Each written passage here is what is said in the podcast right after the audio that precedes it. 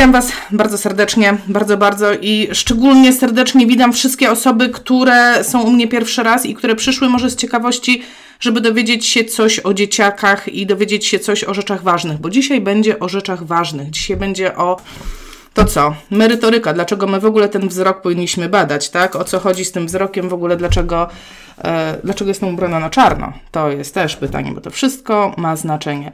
Dlaczego fizjoterapeuta w ogóle interesuje się wzrokiem? Dlaczego w ogóle co nas to obchodzi? Przecież okulista jest od wzroku, nie? E, ale jeżeli zastanowimy się nad tym tematem, to tak naprawdę każda aktywność, każdy ruch, który wykonujemy tak naprawdę w całym swoim życiu, inicjowany jest przez oczy. E, ja tutaj z boku mam, o, o, o, ja tutaj z boku mam szklankę z wodą jeżeli chcę się napić tej wody, to e, który ruch będzie naturalny? Ten, kiedy będę się intensywnie patrzeć na Was, czy spojrzenie, wzięcie wody i napicie się jej? O wiadomo, że najpierw spojrzę.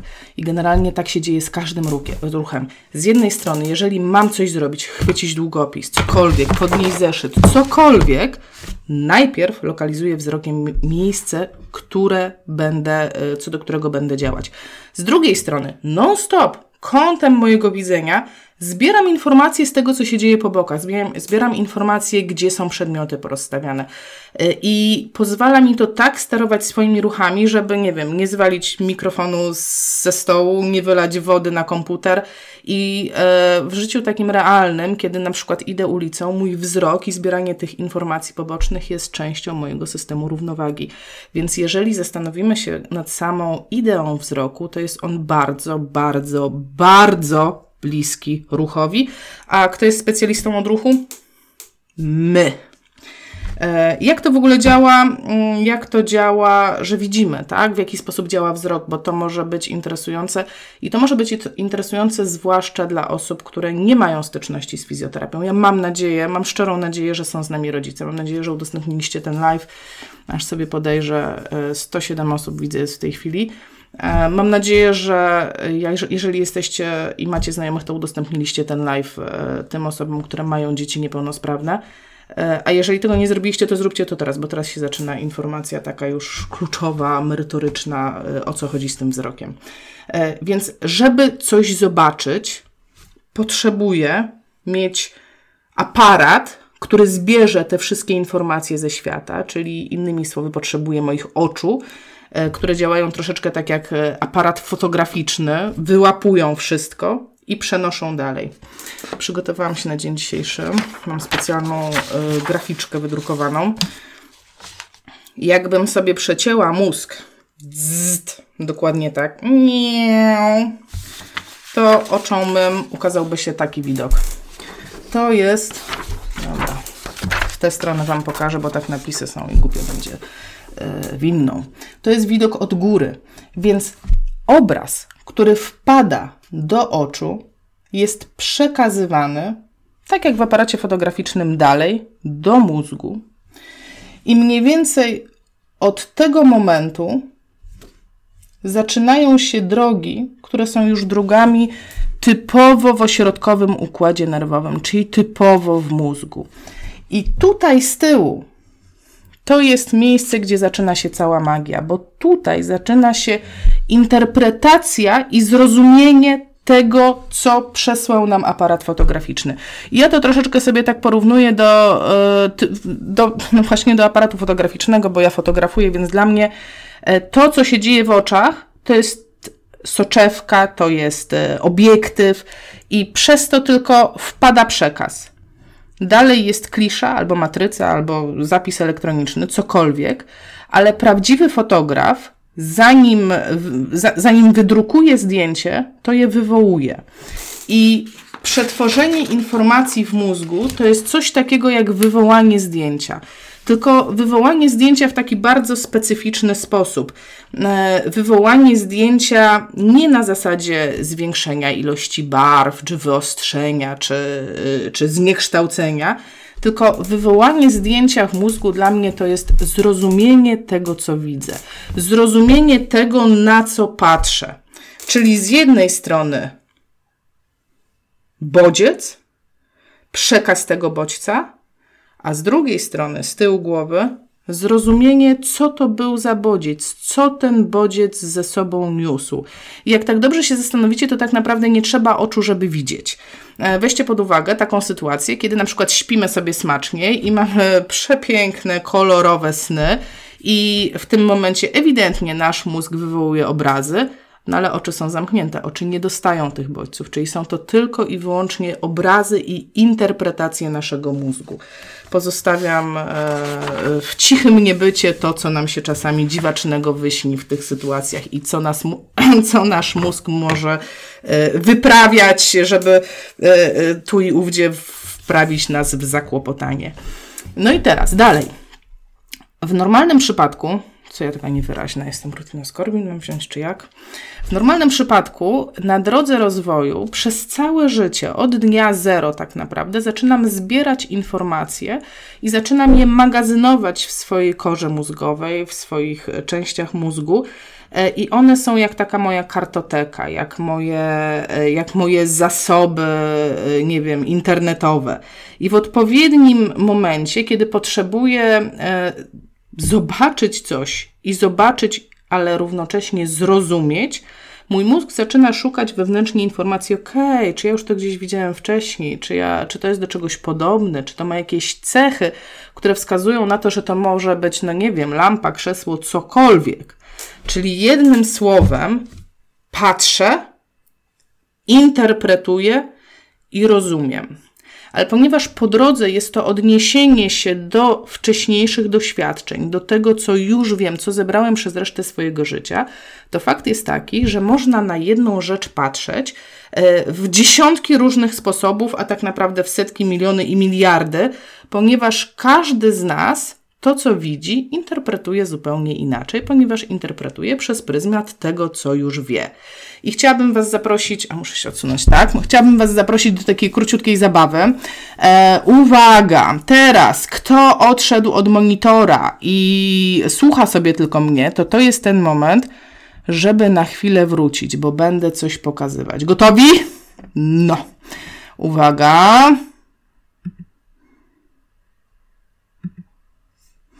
Dobra, kochani, piszcie mi, co to było. Co widzieliście na zdjęciu? Czekam, mam tutaj y, program, który działa z niewielkim opóźnieniem, więc e, mam taką cichą nadzieję, że jak nikt nie pisze, to jednak ktoś pisze, tylko ja jeszcze po prostu tego nie widzę. Mm, napiszcie mi, co widzicie, z czym Wam się to skojarzyło, co Wasze mózgi zobaczyły na tej fotografii. Kombine. Kombine. Kombine. Schody z blachy metalowa kratka, szczotka, opona. Też miałam skojarzenie z oponą. To było moje skojarzenie, tak, Daria. E, siatka ogrodzeniowa, jakaś maszyna, opona. O, widzę, że nie byłam jedyna z tą oponą. Wąż, cześć. Cześć, Mirela. Co widziałaś na zdjęciach, jeśli zdążyłaś?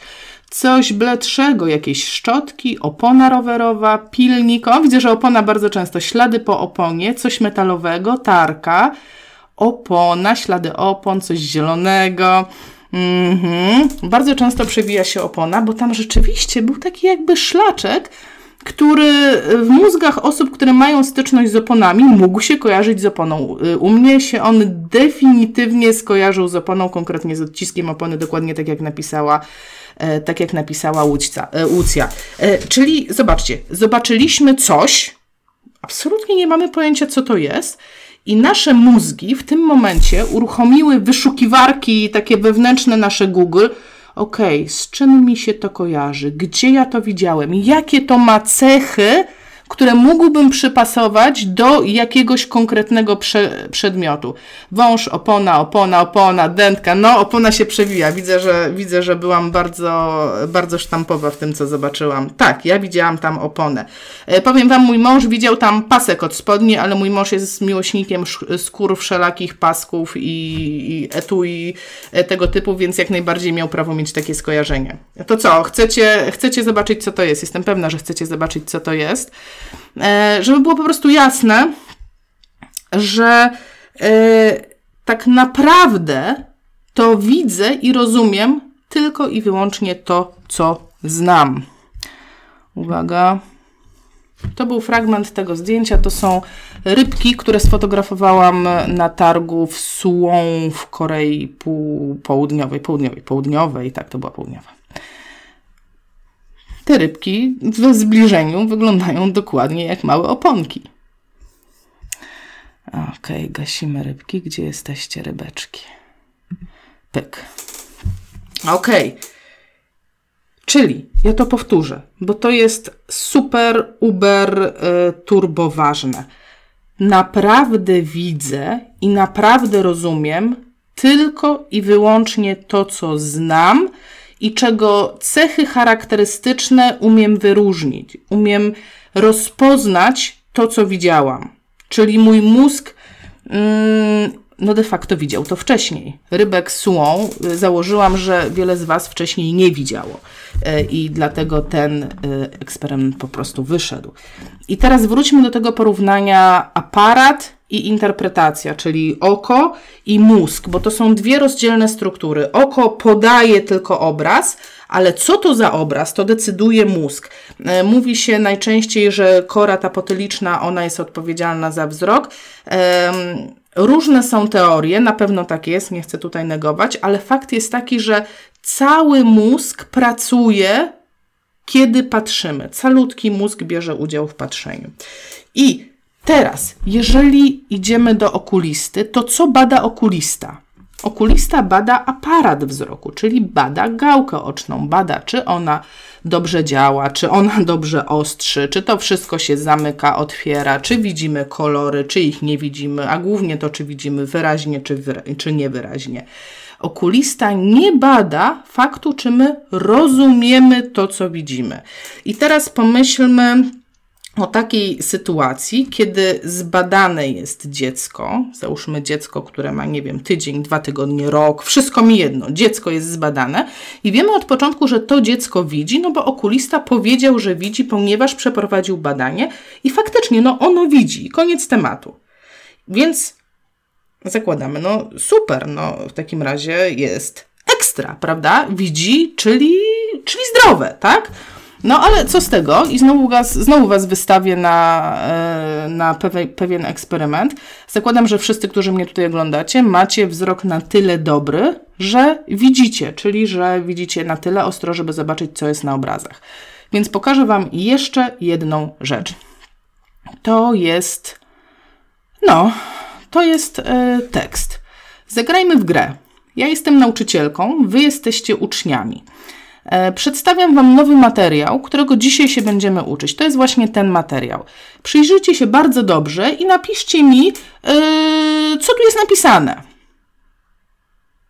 Chciałabym, żebyście się naprawdę dobrze postarali, dobrze się przyjrzyj, jak to mówią rdzenni Polacy, take your time, skoncentruj się. E, to jest e, naprawdę proste, to naprawdę nie jest trudne. Wystarczy, że się dobrze skoncentrujesz i będziesz wiedzieć. Wiecie co? Mnie się wydaje, że wy się nie staracie. Nie staracie się, po prostu wy się nie staracie i dlatego wy mi nie piszecie, co tu jest napisane. To, co chcę Wam powiedzieć, oczywiście ironizuję w tej chwili. O, zmniejszę sobie ten tekst, żeby on został, bo on jest fajny. Tokarska robi sobie jaj. Nie, Tokarska nie robi sobie jaj. Tokarska chce Wam powiedzieć, że od samego faktu wpatrywania się w rzecz, której nie rozumiemy, nie zaczniemy jej rozumieć bardziej.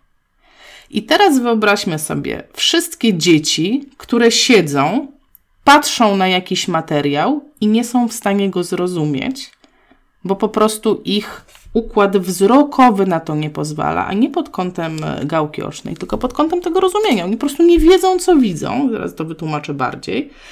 I y, siedzi przy nich nauczyciel i tłumaczy, no wiesz, no ale postaraj się, no ale popatrz jeszcze mocniej, no no, no, no ale popatrz dłużej, no nie starasz się.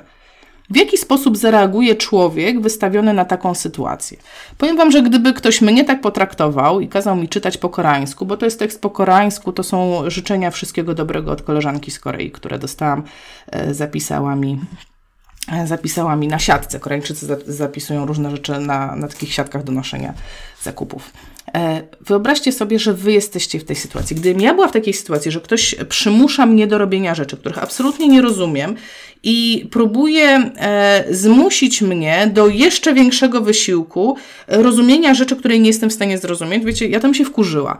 I powiem wam tak, dzieci też się wkurzają. I powstają te wszystkie teorie. Dziecko jest niegrzeczne, dziecko jest nieznośne, dziecko nie nadaje się do edukacji, ono nie może chodzić do szkoły, ono w ogóle nie nadaje się, żeby je cokolwiek uczyć. I to jest pół biedy, bo to znaczy, jeśli poszło do szkoły, to pół biedy, bo to znaczy, że się nadawało do szkoły. Ale teraz pomyślcie o tych wszystkich dzieciach, które żyją latami z diagnozą, że nie ma z nim kontaktu że jest zbyt mało inteligentne, żeby nawiązać z nim kontakt Pomyślcie o sytuacjach, w których rodzice słyszą, że z tego dziecka to nic nie będzie. A tymczasem to, jaką ono ma percepcję wzrokową, ma się nijak do jego możliwości intelektualnych, do możliwości ruchowych. To są dwie odrębne rzeczy. Czyli może być bardzo sprawne dziecko z bardzo słabą interpretacją świata wzrokowego, które będzie ograniczało je w, jej, w jego egzystencji, a mogą być bardzo, bardzo, bardzo słabe dzieci ruchowo, które nie będą w stanie zaktywować się, bo na przykład nigdy w życiu nie sięgną po zabawkę, tylko i wyłącznie dlatego, że jej nie widzą. A dlaczego jej nie widzą? Zaraz Wam powiem, zaraz zrobi się to bardziej zrozumiałe, kiedy będę mówiła szerzej o cechach e, korowych zaburzeń widzenia, bo to właśnie o tym teraz mówię. CVI, tak się to nazywa z angielska, CVI po polsku. Generalnie Cortical Visual Impairment, czyli korowe zaburzenia widzenia. Pomyślcie jeszcze o dzieciach, które patrzą na wskroś. Teraz staram się patrzeć na wskroś przez Was. Czyli dzieciach, które nie koncentrują wzroku na twarzy. I pomyślcie teraz, ja nie będę o tym mówić, nie będę rozwijać tego tematu, bo Christine rozwinęła go. E, Christine jest. E, Christine. Christine jest autorką książki na temat korowych zaburzeń widzenia, to Amerykanka i właśnie z nią jest związana niespodzianka, którą dla Was szykujemy wraz z Olinkiem e, na najbliższy poniedziałek. Nie będę rozwijać tego tematu, ale pomyślcie sobie o tych diagnozach, ciężkich diagnozach na całe życie, które są stawiane na podstawie tego, że dziecko nie patrzy rodzicom w twarz. I teraz pytanie, czy to dziecko naprawdę nie patrzy w twarz, którą widzi, ale nie patrzy, bo społecznie nie jest na to gotowe, po prostu nie jest w stanie patrzeć, czy nie patrzy dlatego, że ona po prostu fizycznie tej twarzy nie potrafi zinterpretować. Ono widzi, ale nie interpretuje, więc patrzy przez nią. Zostawiam ten temat, nie, nie będę go kontynuować. Jak mówię, będzie kontynuowany w innym materiale. E, to, co mówi Christine, to dotyczy się naprawdę ciężko chorych dzieci, że żaden mózg nie jest uszkodzony tak bardzo, aby nie móc widzieć. I to jest super ważna rzecz. Ja ją powtórzę jeszcze raz, bo to jest dla mnie po prostu ultra ważne. Ja mam ciarki. Żaden mózg nie jest uszkodzony tak bardzo, żeby nie móc widzieć. Innymi słowy, jeżeli oczy są sprawne, nie ma tak złego mózgu, żeby nie zobaczyć. Tylko kwestia jest, jak podamy ten obraz dziecku. I znowu wystawię was y, na, wystawię was na taki, no już nie eksperyment, po prostu chciałam, żebyście zobaczyli. Y, popatrzcie sobie na ten obrazek i powiedzcie mi, czy Wam się podoba obrazek, który jest na tych puzzlach? Czy Wam się to podoba? Czy ta całość, y, z których jakby się złożyło te puzzle, czy to jest ładne? I oczywiście nie jesteście w stanie dać mi odpowiedzi na to pytanie z bardzo prostego powodu. Nie da się określić, czy to jest ładne, czy to jest nieładne. Ba, nie da się określić w ogóle, co to jest, patrząc tylko na malutkie kawałeczki. A dzieci z zaburzeniami korowymi widzenia, one dokładnie w taki sposób widzą świat. Widzą go w kawałeczkach, widzą go jakby cały czas patrzyły przez kalejdoskop na świat. Wszystko jest ze wszystkim, wszystko jest zmieszane i jest to nie do zinterpretowania. Generalnie twarz, która jest proskładana na kawałki, będzie ciężka do interpretacji. Jeżeli mam jakiś bodziec, który rozprasza moją uwagę wzrokową, sygnał będzie trudny do interpretacji dla nas, dla, dla zdrowych, a dla układu nerwowego, który jest e, w cudzysłowie chory, będzie to podwójnie trudne. Jeżeli widzę tylko kawałek, spójrzcie, jesteśmy zdrowi i bez problemu interpretujecie informację, którą widzicie, że jest to kawałek mojej twarzy i bez problemu nie dość, że jesteście w stanie rozróżnić, że to kobieta mówi, że to kobieta jest na zdjęciu, to jeszcze ci, którzy mnie znają, rozpoznają, że to jestem ja, pomimo tego, że nie widać całej twarzy. No to co? Główne pytanie, dlaczego nie jest to rozpoznawane, tak? No bo przecież mamy całkiem niezłą opiekę zdrowotną, jest mnóstwo chorujących dzieci, jest mnóstwo dzieci, które rodzą się z zaburzeniami neurologicznymi, e, genetycznymi, z różnymi chorobami, nie wiem, degeneracyjnymi, no cokolwiek, co ma związek z mózgiem. E, I dlaczego te zaburzenia nie są rozpoznawane, tak? E, jest bardzo prosta odpowiedź na to. Wynika ona z założenia, że jeżeli coś widzę, to znaczy, że to interpretuję. A to założenie, tak jak próbuję Wam powiedzieć przez ostatnie 20 minut, jest po prostu błędne, bo to są dwie rozdzielne rzeczy. W związku z tym, jeżeli nawet mały dzidziuś po narodzinach, nie wiem, wcześniak, e, dziecko z MPD, e, dziecko z problemami z istotą białą w mózgu, dzieci z chorobami genetycznymi, dzieci e, po zakażeniach wewnątrzmacicznych, rodzi się dziecko i ma badany wzrok, czyli ma badaną ostrość wzroku i lekarz mówi tak, wszystko jest w porządku, dziecko widzi, a jednak mamy wrażenie, że coś jest nie tak, że no, widzi, ale tak nie patrzy, to to są dwie zupełnie rozdzielne rzeczy. Ono może bardzo ostro i wyraźnie widzieć. Ono widzi dokładnie tak jak ja, ale nie sortuje, nie kategoryzuje, nie rozumie rzeczy, ponieważ nie potrafi wytworzyć tego, co ja i wy tworzyliśmy automatycznie na drodze rozwoju, czyli zbieraliśmy doświadczenia, składaliśmy je e, we wzorce i w związku z tym, na jaki bym w tej chwili długopis nie spojrzała, to ja wiem, że każdy z nich to długopis. Ale skąd to wiem? Ponieważ rozróżniam coś takiego jak cechy definiujące, czyli każdy długopis ma jakąś skówkę, ma jakieś e, takie zakończenie i to definiuje długopis jako długopis.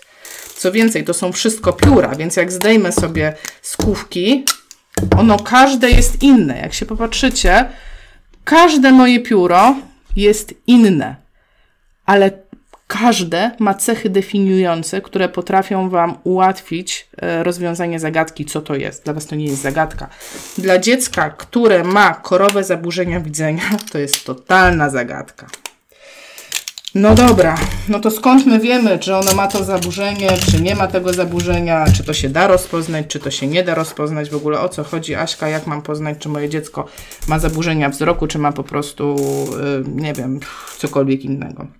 Generalnie e, o tych zaburzeniach mówimy w momencie, kiedy klasyczne badanie okulistyczne nie wyjaśnia problemów dziecka. Czyli mamy zbadany wzrok i lekarz powiedział, że wszystko jest dobrze, a pomimo tego mamy jakieś wątpliwości. E, dzieci z CVI mają jakąś historię kliniczną, czyli właśnie to, o czym Wam mówiłam, zaburzenia neurologiczne w tle, zaburzenia genetyczne, zaburzenia e, wcześniactwo tego typu rzeczy. Tam się coś dzieje, bo CVI nie występuje bez powodu. I do tego wszystkiego dzieci e, wykazują taki zbiór cech. Są wspólne cechy, które charakteryzują dziecko z zaburzeniami o charakterze korowym, z zaburzeniami widzenia. I ja Wam teraz, bo naprawdę w telegraficznym skrócie opowiem o tych 10 cechach.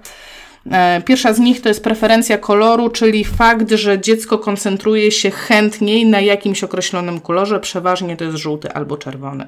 Czyli e, jeżeli zauważycie, że swojemu dziecku podajecie zabawki i po tą żółtą to sięgnie, ale już po niebieską to nie i zauważycie, że ten wzorzec jest powtarzalny, to to może być ta cecha.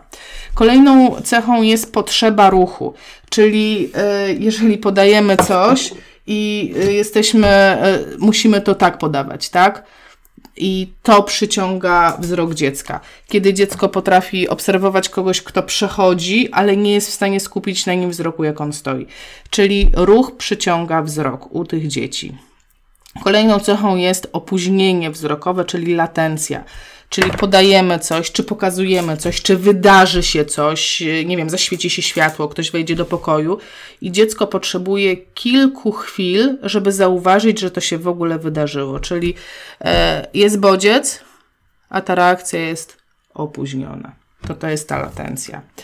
E, może się wydarzyć tak, że dziecko ma preferencje pola widzenia, czyli na przykład bardzo chętnie będzie brało zabawki e, z tego regionu, ale już tu nie zobaczy. E, szczególnie trzeba zwrócić uwagę, czy nie ma tych zaburzeń w kierunku na dole. Najczęściej będzie mu ciężko zobaczyć rzeczy od dołu, czyli chętnie będzie brało zabawki, które znajdują się na górze, a te na dole już mogą pozostać niezauważone. Eee, dalej, co my mamy? Trudności ze złożonymi bodźcami. I to jest już szerszy temat, ponieważ e, generalnie łatwiejsze do interpretacji, tak jak w życiu, jest coś, co jest proste, a trudniejsze jest to, co jest, trudni- to, co jest bardziej złożone. I może to dotyczyć zarówno samego przedmiotu. Eee, dam Wam przykład. Łatwiejszy do interpretacji będzie to pióro niż to pióro bo to pióro jest bardziej złożone. Pomimo tego, że to jest dokładnie to samo pióro, tylko w innym kolorze. Ale zarówno to, jak i to jest mi łatwiej zinterpretować, kiedy jest mniej złożone, czyli złożoność dotycząca samego przedmiotu. Drugą rzeczą jest e, złożoność otoczenia, czyli złożoność tego, w jakiej sytuacji e, dziecko potrafi się odnaleźć. Czyli jeżeli mam gładkie tło, dlatego mam czarną bluzkę dzisiaj, bo na czarnym to wszystko dobrze widać i z czarnego łatwo coś wyłapać. Jeżeli łatwo jest wyłapać dziecku coś, co jest na gładkim tle, z e, niezaśmieconym, a trudno na tle, które jest bardziej złożone, bo wymaga interpretacji, co jest tłem, a co nie, i pojawiają się wzory. A jak nie wiem, co to jest, to ciężko mi wyłapać, co jest wzorem, a co jest długopisem, a już w ogóle, jeżeli nie wiem, co to jest długopis, no to już umarł w butach to, to są trudności ze złożonymi bodźcami. E, taką złożonością może być również e, sygnał słuchowy, czyli e, moment, w którym oprócz wzroku pojawia się słuch, czyli zadzieje się coś w tle, pojawi się hałas, pojawi się muzyka, pojawi się jakiś dźwięk. I bardzo często robimy to, czy terapeuci, czy rodzice, robimy to dziecku. O, popatrz! Tu, tu, tu, tu, tu, tu, tu, tu. Używamy drogi słuchowej, żeby nakierować bodźce wzrokowe na dany przedmiot. I jeżeli dziecko mm, na przykład nie jest w stanie przyjąć obu tych dróg naraz, czyli patrzy się, ale jak pojawi się muzyka w tle, to przestaje się patrzeć, no to to może być objaw również e, jedna z tych dziesięciu cech świadczących o korowych zaburzeniach widzenia. Taką e, kompleksową Trudnością ze złożonymi bodźcami jest również trudność w interpretacji twarzy. Ja już mówiłam trzy słowa o twarzy. Twarz jest niesłychanie złożoną strukturą, na twarzy są emocje i normalnym zachowaniem jest, że dziecko jest wpatrzone w twarz mamy i to jest absolutna norma. Dzieci z korowymi zaburzeniami widzenia nie są w stanie zinterpretować, co to jest. To jest dla nich zbyt złożone. Tutaj za dużo się dzieje w tym obszarze. W związku z tym patrzą na wskroś. Zupełnie tak jak całkiem inne dzieci e, diagnozowane w zupełnie innym kierunku. Kolejna cecha to potrzeba światła i to jest bardzo charakterystyczne. Moje dziecko uwielbia wyglądać przez okno. Ono pewnie tak lubi patrzeć, co tam się dzieje na tej ulicy, a tymczasem dziecko patrzy przez okno, bo tam jest światło. To są dzieci, które się nie boją światła, w odróżnieniu od e, bobasków e, urodzonych i całkiem zdrowych, które na widok światła mrużą oczy. Małe dziecko, niemowlak, ma światłowstręt yy, fizjologiczny, czyli jak zobaczy ostre światło, to się zmruży i to jest norma.